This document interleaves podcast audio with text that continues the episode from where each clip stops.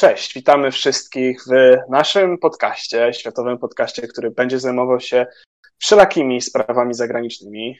E, zapraszamy Was dzisiaj na pierwszy odcinek. Mamy nadzieję, że nie ostatni. A wraz ze mną, czyli z Jakubem Woźniakiem, zaprasza dzisiaj Paweł Mastalerz. Cześć Paweł. Cześć Kuba, witam wszystkich. Życzę smacznej kawusi czy kakałka. Dziękujemy za takie miłe życzenia. E, mamy nadzieję, że zostaniecie Państwo z nami na dłużej. Planujemy e, wydawać ten podcast w trybie cotygodniowym z różnymi prowadzącymi, e, a także z różnymi zaproszonymi gośćmi. Mm, będą formy dłuższe, będą formy krótsze. Myślę, że każdy w ramach naszej formuły znajdzie coś dla siebie. A w dzisiejszym odcinku przeniesiemy się do Stanów Zjednoczonych na samym początku. Zobaczymy, jak wygląda tam krajobraz powyborczy związany z ustąpieniem, a może nie ustąpieniem Donalda Trumpa. Zagłębimy się w to.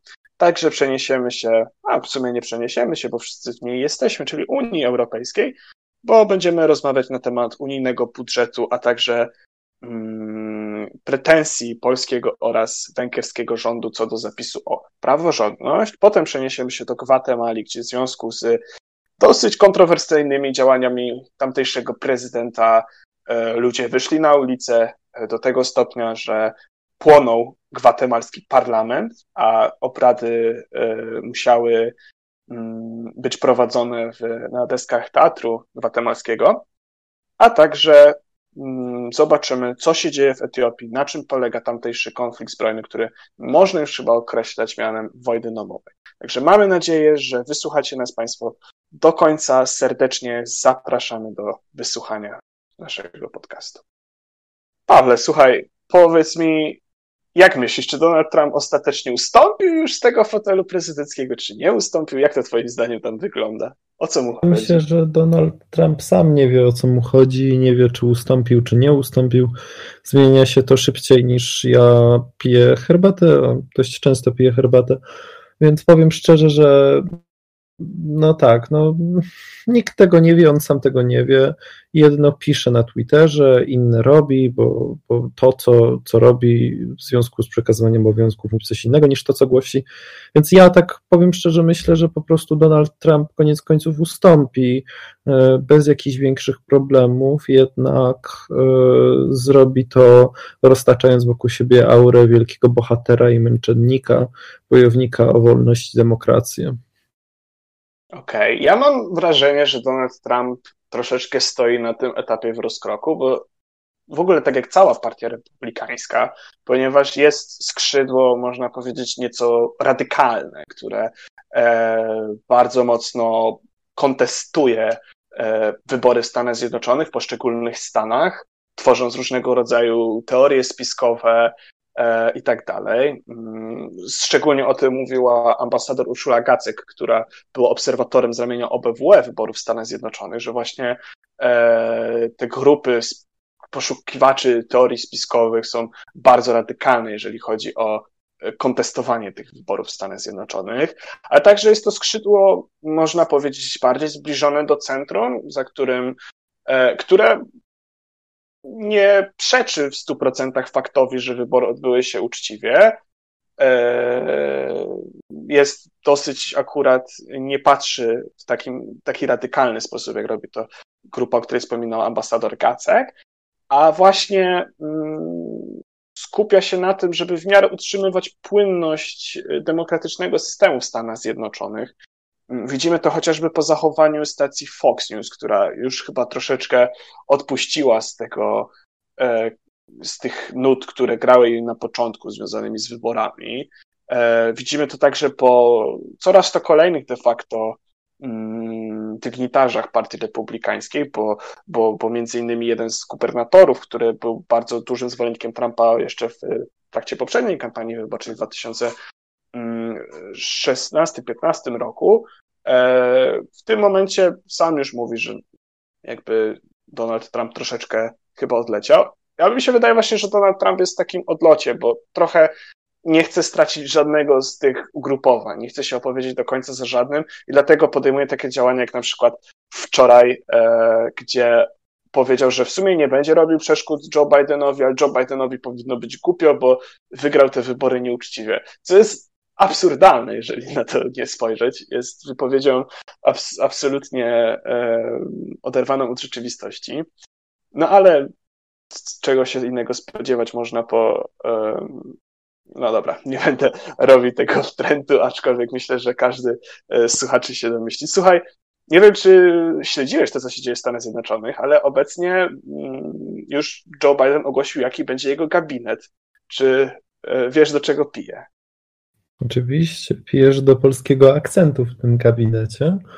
E, I chciałbym, żebyś mi coś więcej o tym opowiedział, bo powiem szczerze, ja póki co nie jestem zbyt e, entuzjastycznie nastawiony. Liczyłem na większą rewolucję. Może, może mnie jakoś zachęcisz. Znaczy, wydaje mi się, że Tony Blinken, o którym tutaj będziemy rozmawiać, nie jest w żaden sposób postacią, którą można nazwać mianem progresywnej. Na pewno nie spodoba się tej, temu progresywnemu odłamowi partii demokratycznej, która, e, bo, bo trzeba jednak oddać, że Antony Blinken jest, należy do grona osób, które są mocno, mm, mocno establishmentowe, bo to y, trzeba zauważyć. Zresztą jak cały gabinet Joe Bidena, bo Joe Biden nie postawił na demokratów mocno spod, spod ramienia Elizabeth Warren czy, czy Berniego Sandersa, tylko na osoby, które poniekąd były już sprawdzone w trakcie administracji Obamy, która, jak doskonale wiemy, o wiele bardziej była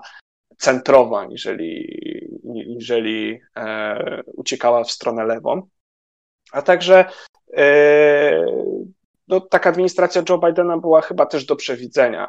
Antony Blinken jest postacią o tyle ciekawą, że ma dosyć będzie podtrzymaniem tej, tej doktryny Baracka Obamy, na którą ja nie wiem, czy nie jest za późno na tym etapie, bo wydaje mi się, że e, świat w tym momencie będzie wyglądał przed, jak, przed Trumpem i po Trumpie i, i trochę chyba nie ma już drogi powrotnej do e, czasów tej dyplomacji Baracka Obamy, ale pewnie Antony Blinken będzie ją starał się przywrócić.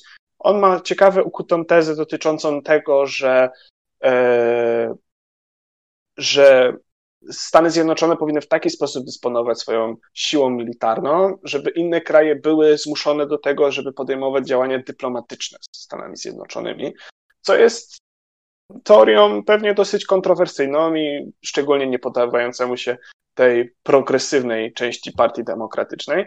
No ale Antony Blinken jest taką postacią, jest zgoła odmienny aniżeli antyestablishmentowy Rex Tillerson, który był pierwszym sekretarzem stanu u Donalda Trumpa. Widać kierunek ten profesjonalny Joe Bidena i jestem ciekawy, co się wydarzy, aczkolwiek mam wrażenie, że Stany Zjednoczone mm, będą prowadzić tę politykę o wiele, wiele rozważniej, niżeli za czasów dyplomacji Trumpa.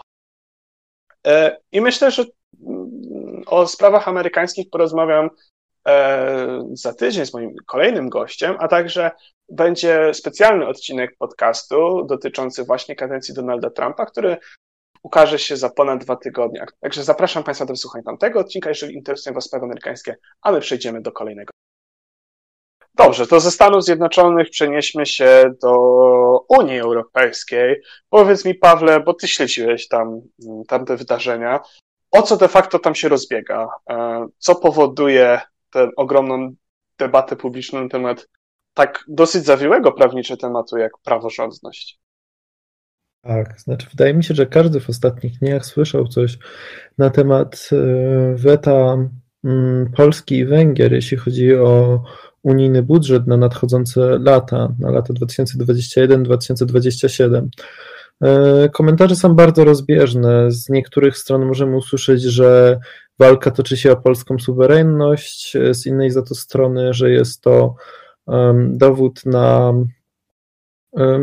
czasem nawet niekompetencje polskiego rządu, jeśli chodzi o, o negocjacje e, budżetowe i relacje z innymi krajami członkowskimi, a także ryzykowanie dziesiątek miliardów euro dla polskiej gospodarki e, na odbudowę po, po pandemii koronawirusa.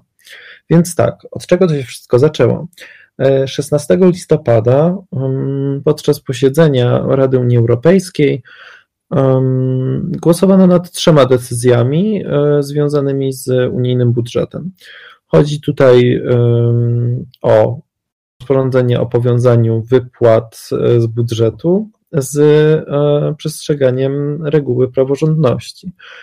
Drugi zapis dotyczył decyzji Rady w sprawie wieloletnich ram finansowych na lata 2021-2027. Trzecia decyzja to uruchomienie procedury podwyższenia pułapu zasobów własnych Czyli tak naprawdę chodzi o powstanie funduszu odbudowy po y, pandemii koronawirusa. I tak jak pierwszą decyzję, czyli y, przestrzeganie zasad praworządności, um, można było przegłosować y, kwalifikowaną większością, czyli wystarczyło 15 głosów za z 27. Tak w przypadku wieloletnich ram finansowych oraz e, zwiększenia pułapu, czyli powstaniu funduszu odbudowy. No tutaj potrzeba było jednomyślności. E, dlatego rządy Węgier i Polski, by zablokować pierwszą zasadę, czyli praworządność, przestrzeganie praworządności, e, zawetowali punkty drugie i trzecie. Czyli de facto Polska, która miała być jednym z największych beneficjentów E, nadchodzącego budżetu sama sobie e, go odbiera, przynajmniej tymczasowo. Jak to się może skończyć? E, pierwsza sprawa, pierwszy scenariusz jest taki, że po prostu nie zostanie uchwalony budżet na najbliższe lata i tym samym Unia Europejska będzie musiała korzystać z tak zwanego prowizorum budżetowego. To oznacza, że e, po pierwsze, e, środki, które będą wpływały do państw członkowskich, będą one e, wydawane co miesiąc i będzie to jedna dwunasta środków z roku poprzedniego. I te pieniądze będą mogły być wydawane tylko na dopłaty bezpośrednie dla rolników, albo na ukończenie rozpoczętych w ostatniej ramie finansowych, e, finansowej projektów. E, tym samym mm, tak naprawdę sami sobie bardzo szkodzimy. Pytanie, czy e, Polska i Węgry porozumieją się z Komisją Europejską i z Niemcami, które obecnie, obecnie przewodnicz, przewodniczą Radzie Unii Europejskiej, czy faktycznie dojdzie do wprowadzenia prowizorium budżetowego. I teraz moje pytanie dla Ciebie: jak uważasz, co się stanie? I Twoim zdaniem, dlaczego e, rządy Polski i Węgier zdecydowały się na tak e, niekorzystne dla siebie weto? Naprawdę jedynym powodem jest chęć wprowadzenia swoich dalszych reform w wymiarze sprawiedliwości to było pytanie z tezą, Pawle, ale e, z tezą, którą chyba po części e, muszę się z Tobą zgodzić, bo. Nie będę ukrywał, że tak było. Tak jak Ty odnoszę wrażenie, że e, Polska i Węgry to są państwa, które w imię własnego cynizmu politycznego odmawiają ogromnych środków pieniężnych, które mogłyby pomóc w tych trudnych czasach mm, milionom swoich obywateli. Znaczy, ja rozumiem ogólnie rzecz biorąc, e, dlaczego Węgry i Polska próbują jakby walczyć o to.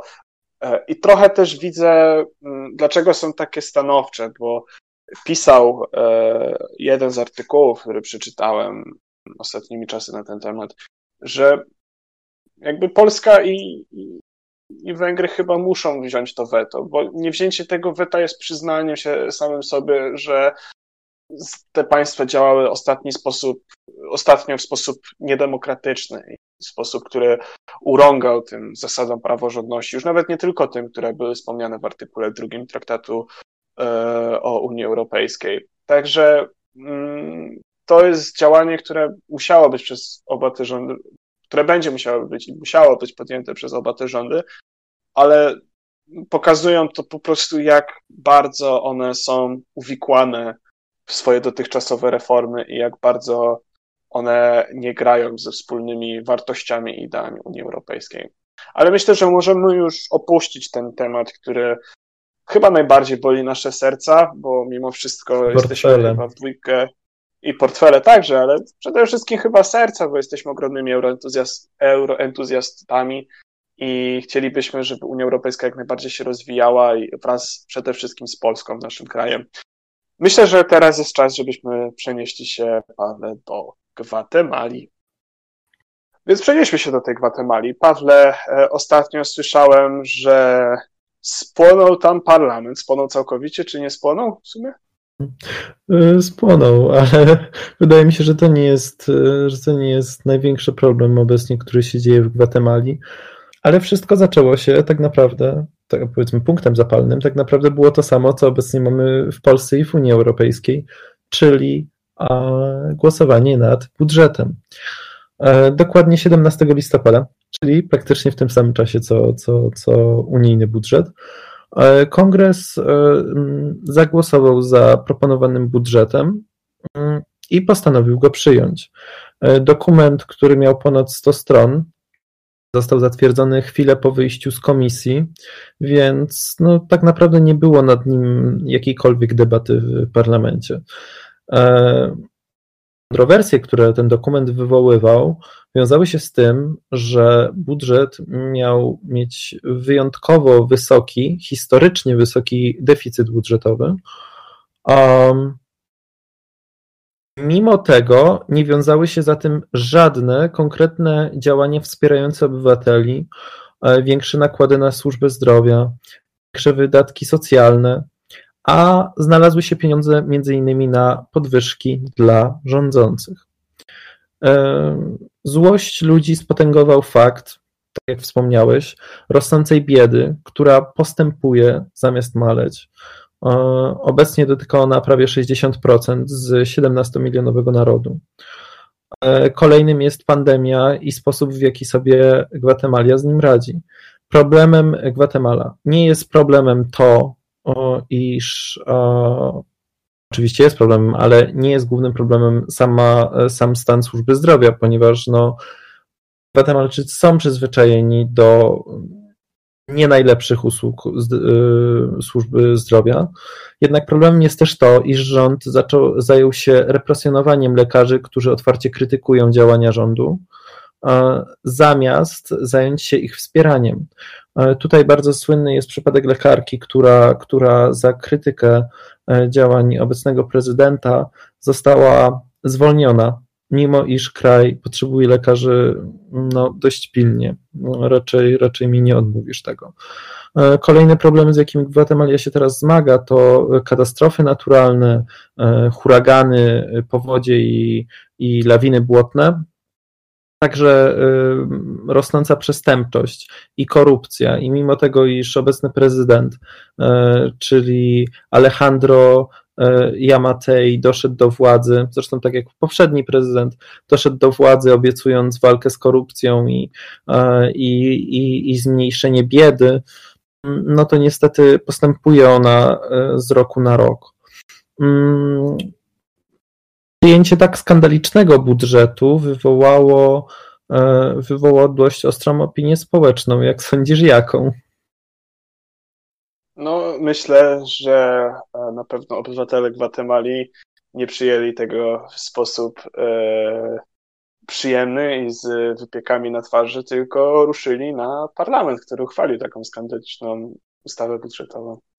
Tak, dokładnie. Nie było jednak tak, że mm, od razu, wiesz, rzucono koktajl Mołotowa i, i zrobiono takiego swego rodzaju bar w parlamencie, e, tylko poprzedzone to zostało brutalnością policji, której, mm, której to, które wywołało to, że gromienie kolejnych strajków taką przemocą po prostu potęgowało kolejne i tym samym doszło właśnie do spalenia parlamentu. Jednak. Okay. Um, A słuchaj, bo jeszcze hmm. chciałem, wejdę ci w słowo, bo tam troszeczkę jest temat na czasie, bo wiadomo, y, ostatni serial Netflixa Gambit Królowej z naszym wspaniałym Marcinem y, Dorocińskim. Czy sytuacje, gdzie wiceprezydent y, otwarcie krytykuje prezydenta, można porównać ją do takiej? Wydaje mi się, że można. To znaczy, jakie faktycznie stoją za tym intencje, nie jestem do końca pewien, czy jest to naprawdę o, czy jest to naprawdę troska o naród, czy tutaj chodzi bardziej o grę polityczną i próbę ratowania swojej pozycji. Jednak masz rację, wiceprezydent, e, wiceprezydent otwarcie skrytykował prezydenta, e, sugerując, żeby zawetował ustawę e, oraz podał się razem z nim do dymisji, a wszystkich, którzy byli odpowiedzialni za między innymi podejmowanie decyzji w sprawie brutalnego rozwiązywania e, protestów, pozdrawiam tutaj również polską policję, e, podali się po prostu wszyscy razem do dymisji. No cóż, prezydent podziękował za taką genialną propozycję, a sam wiceprezydent Castillo również pozostał na stanowisku. No to jest sytuacja dosyć chyba absurdalna, jeżeli można użyć tego słowa, bo rzeczywiście w momencie, gdy e, nawzajem sobie pogrozili panowie, to po prostu to jest gra polityczna, a, ludzie cierpią. Tak, tak. Jedyny plus tego jest taki, że e, kongres e, wycofał się z decyzji o przyjęciu ustawy budżetowej. Um, oczywiście musiał to zrobić już w innym miejscu niż parlament. Były to obecnie deski Teatru Narodowego. E, jednak oficjalnie odrzucono budżet na przyszły rok.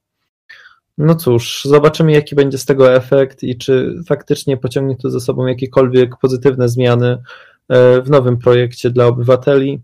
Ja powiem szczerze, nie wierzę w to. Wydaje mi się, że będzie to tylko pudrowanie trupa i, i przepchnięcie kolejnych niekorzystnych dla społeczeństwa zapisów e, później jako, e, jako tutaj, prawda, e, nowelizacje budżetowe, bądź ewentualnie mm, nazwanie ich jakoś inaczej. Nie mam pojęcia. No dobrze, dziękuję Ci.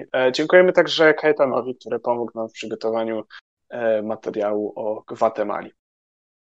Słuchaj, Paweł, e, zamierzam Cię teraz zabrać na wycieczkę.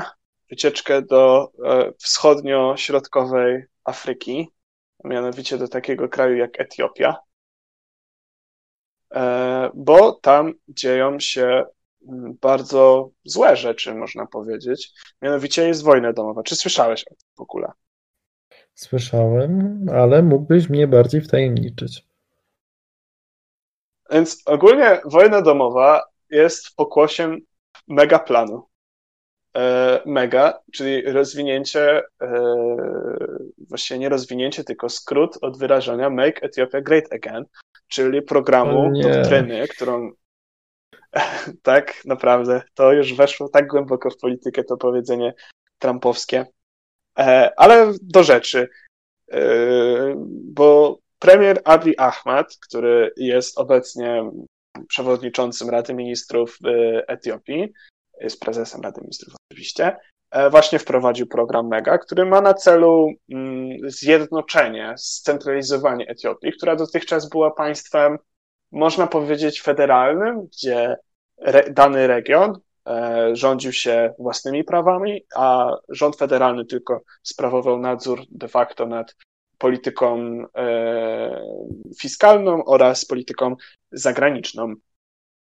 E, więc ogólnie wojna dotyczy sporu między rządem Etiopii a prowincją Tigraj, gdzie Tigraj, musisz wiedzieć, jest miejscem, które można byłoby określić na skalę światową typowym do walki partyzanckiej, jaką e, obecnie toczą tam, toczy tam swoimi bojówkami partia która się nazywa e, Ludowy Ruch Wyzwolenia Tigraju, bo mianowicie jest to teren górzysty, e, gdzie e, ludność tubylcza jest mocno zaprawiona w bojach, bo walczyła w ramach wojny 20, prawie dwudziestoletniej między Etiopią a Erytreą, bo ona działa się właśnie na tamtych terenach. No i, no i właśnie na tym terenie mm, ten rejon jako jeden z nielicznych zbuntował się otwarcie przeciwko premierowi Ahmadowi, który e, prowadził te działania mające na celu wykrzewienie opozycji znajdującej się w małych ośrodkach regionalnych, takich jak e, inne, promo, inne regiony jak Arham albo Oromo, z którego zresztą on sam pochodzi. Sytuacja jest o tyle ciekawa, że mm, prezydent, y, premier Abiy Ahmed jest zeszłorocznym laureatem pokojowej Nagrody Nobla, co jest dosyć dziwne jak na człowieka, który e, w swoim programie politycznym mm, umieszcza treści bardzo szowinistyczne, ksenofobiczne, jeżeli można się w ten sposób wyrazić. E, łamie w otwarty sposób e, konstytucję Etiopii, która mówi o federalnym ustroju tego państwa. No ale jak widać, po raz kolejny Komitet Noblowski nie zawsze chyba podejmuje najsłuszniejsze decyzje, ale myślę, że to jest temat, który można zostawić na e, odcinek specjalny. To myślę, że jest ciekawy temat. E, ogólnie rzecz biorąc, chciałem się ciebie zapytać, jak myślisz, jakie inne państwa mogą mieć interes w tym, że Etiopii się dzieje to, co dzieje, bo sam premier wspomina o tym, że parę państw chciało zdestabilizować Etiopię. Tak, wydaje mi się, że chodzi Ci tutaj o, o sąsiadów, dokładnie o, o, o Sudan i Erytrea Egipt. i Sudan? E, Erytrea, bo Egipt nie Ach. graniczy, ale Egipt... Tak, tak, ale tam Egipt... chodzi chyba o rzekę i nie chodzi tutaj do końca o Wisłę, tylko o inną. Tak, jest taka duża rzeka, e, która Nil się nazywa i Problem, y, jaki Egipt ma z Nilem właśnie i Etiopią, jest taki, że oraz Sudan. Sudan także jest y, jednym z y, aktorów, którym będzie miał problem z tym, z tym zagadnieniem, a mianowicie Etiopia pragnęła wybudować ogromną tamę, która miała być zasileniem, która miała de facto energią elektryczną zasilić niemalże całą Etiopię i spowodować, że Etiopia wytwarzałaby energię o wiele, wiele taniej to byłaby tama na Nilu, ale spowodowałaby ona ogromny ubytek wody w, właśnie w Egipcie oraz w Sudanie, który mógłby spowodować katastrofę, jeżeli chodzi o tamtejszy sektor rolniczy. Więc Etiopia oraz e, Egipt były od wielu, wielu lat na wojennej ścieżce, do tego stopnia, że nawet e, paru oficjeli zebranych w trakcie programu telewizyjnego, kiedy nie wiedzieli, że są nagrywani, prowadzili rozmowę o tym, że jeżeli zostanie wybudowana tama w Etiopii, to wówczas powinno się dofinansować czy wspierać lokalnych wojowników, mm, terrorystów, tutaj tłumaczenie może być różne, który, którzy te tamy wysadzą. Więc widzimy, i to się działo w 2013 roku, więc widzimy, że e, przez, patrząc na to przez pryzmat tego, że ta tama najprawdopodobniej za mniej niż pół roku byłaby już ukończona, może powodować, że możemy tworzyć pewnego rodzaju teorie i yy, patrzeć na to w taki sposób, jak patrzy na całą tą sprawę premier Abiy Ahmed. Ale chciałbym odejść od kwestii politycznych, jeżeli się zgodzisz, bo chciałem zwrócić uwagę na okropieństwa, które dzieją się w, takim, w tym rejonie. Mogę. Oczywiście. Więc ogólnie rzecz biorąc, sytuacja jest o tyle przykra, że oczywiście premier Abiy Ahmed nie jest, jak już mam nadzieję wykazałem, aniołem, anioł, aniołem, tak, aniołem wcielonym, ale także wojownicy Tigraju nie są, bo najprawdopodobniej y, tamtejsze bojówki dokonały rzezi na 600 mieszkańcach tamtej prowincji, którzy nie byli etnicznymi Tigrajczykami. E, sprawę bada Komisja e, Praw Człowieka przy, przy ONZ, a także bada e, Amnesty International. Sytuacja też jest o tyle przykra, że ta prowincja mm, słynęła z tego, że znajduje się tam bardzo duża ilość imigrantów, którzy uciekli z y, graniczącej z tą prowincją Erytrei po wojnie właśnie między Etiopią a Erytreą, za rozwiązanie której Nagrodę Nobla otrzymał zresztą y, premier Abiy Ahmed.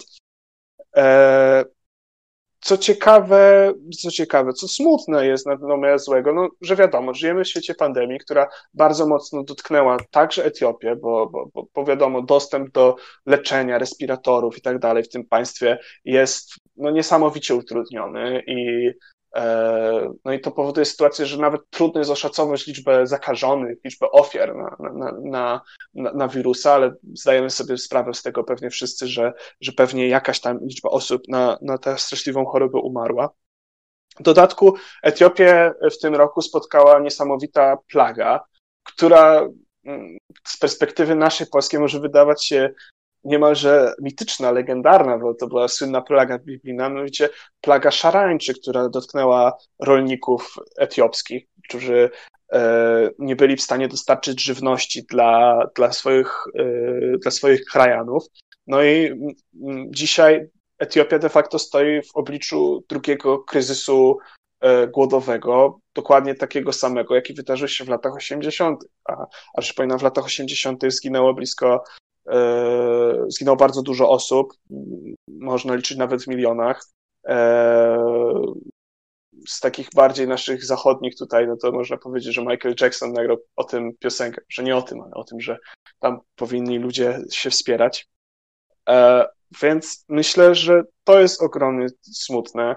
E, ta wojna jest, e, można powiedzieć, że jest tylko w imię interesów Abiego Ahmada i, i, i, i tej prowincji Tigray, ale ona będzie miała katastrofalny wpływ na tamten region świata, bo już widzimy, że wojska etiopskie, które dotychczas wspierały rząd somalijski w walce z terrorystami, wycofują się z właśnie z, z terytoriów swojego wschodniego sąsiada tylko po to, żeby wesprzeć swój rząd w walce z, z rebelią w Tigraju.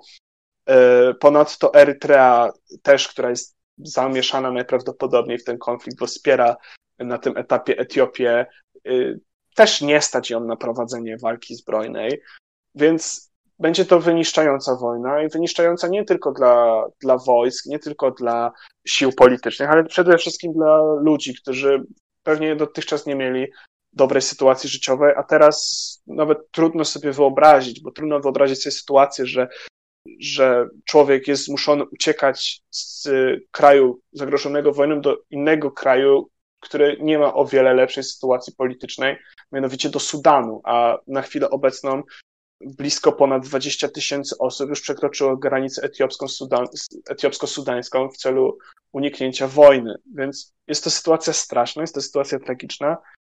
No i to powoduje, że na pewno będziemy nad nią jeszcze w następnych odcinkach naszego światowego podcastu się nią zajmować. Tymczasem myślę, że na tym etapie możemy zakończyć.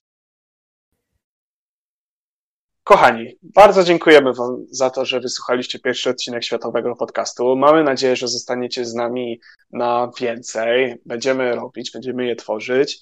Eee, dziękujemy Wam jeszcze raz bardzo serdecznie. Jeżeli jesteście zainteresowani dalszym śledzeniem nas, to zapraszamy do zostawienia lajka lub obserwacji na naszym fanpage'u Światowy Podcast. A także zapraszamy Was do wzięcia udziału w innym projekcie Studenckiego Koła Naukowego Spraw Zagranicznych Szkoły Głównej Handlowej oraz Uniwersytetu Warszawskiego, a mianowicie do udziału w pikniku międzynarodowym, bo już za dwa tygodnie e, rozpoczyna się kolejna edycja i podczas trzech dni, czyli od 7 do 9 grudnia, będziecie mieli okazję wziąć udział e, w dyskusjach oraz różnego rodzaju wykładach na temat takich Malediwy, E, przeniesiemy się do Indii, Hiszpanii lub Rumunii, e, będzie można przeczytać o największym narodzie bez państwa, o, czyli o Kurdach, a także będziemy poznawali odpowiedzi na najczęściej zadawane pytania przez podróżników. Dlatego jeszcze raz zapraszamy Państwa do śledzenia w szczególności tego projektu, ale także innych e, projektów Studenckiego Koła Naukowego Spraw Zagranicznych. Ja dziękuję Państwu jeszcze raz bardzo serdecznie za to, że byliście z nami. Ja nazywam się Jakub Woźniak, był ze mną Paweł Mastalerz. Tak, bardzo dziękuję wszystkim za wysłuchanie. Mam nadzieję, że UW i SGH nie będą musiały się po moich analizach samo rozwiązać. My też miejmy na to takie nadzieje, bo są to wspaniałe placówki edukacyjne, które z tego miejsca myślę, że bardzo serdecznie pozdrawiamy. Tak samo jak pozdrawiamy cały nasz zespół, który pomógł nas, pomógł nam w opracowaniu tematów do dzisiejszego podcastu. Dobranoc Państwu.